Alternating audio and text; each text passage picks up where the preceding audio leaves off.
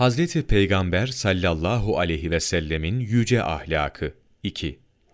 Hazreti Hüseyin radıyallahu an der ki, babam dedi ki, Peygamber sallallahu aleyhi ve sellemin huzuruna girenler, talip olarak girerler, en büyük ilim zevkini tatmış ve yol gösterici oldukları halde çıkarlardı.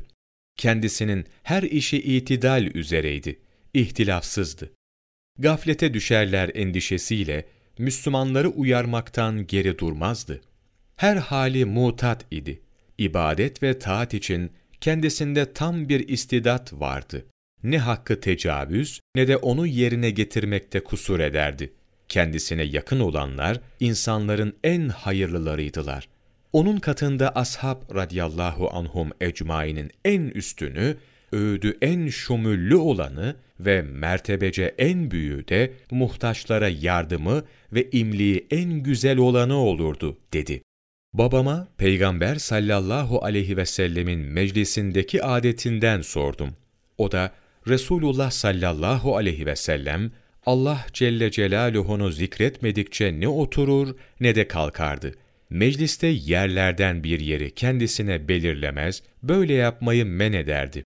Nerede olursa olsun oturan bir cemaatin yanına vardığı zaman üst başa geçmez, meclisin sonuna oturur ve böyle yapmalarını Müslümanlara da emrederdi. Kendisiyle birlikte oturan herkese nasibini verir, öyle ikram ederdi ki, herkes Resulullah sallallahu aleyhi ve sellem katında kendisinden daha mükerrem bir kimse yok sanırdı.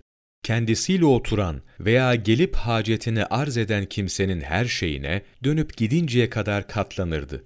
Bir kimse, kendisinden bir hacette, istekte bulununca onu reddetmez, verir yahut tatlı ve yumuşak bir dille geri çevirirdi. Onun döşeği ve güzel ahlakı bütün insanları içine alacak kadar genişti. Onlara şefkatli bir baba olmuştu.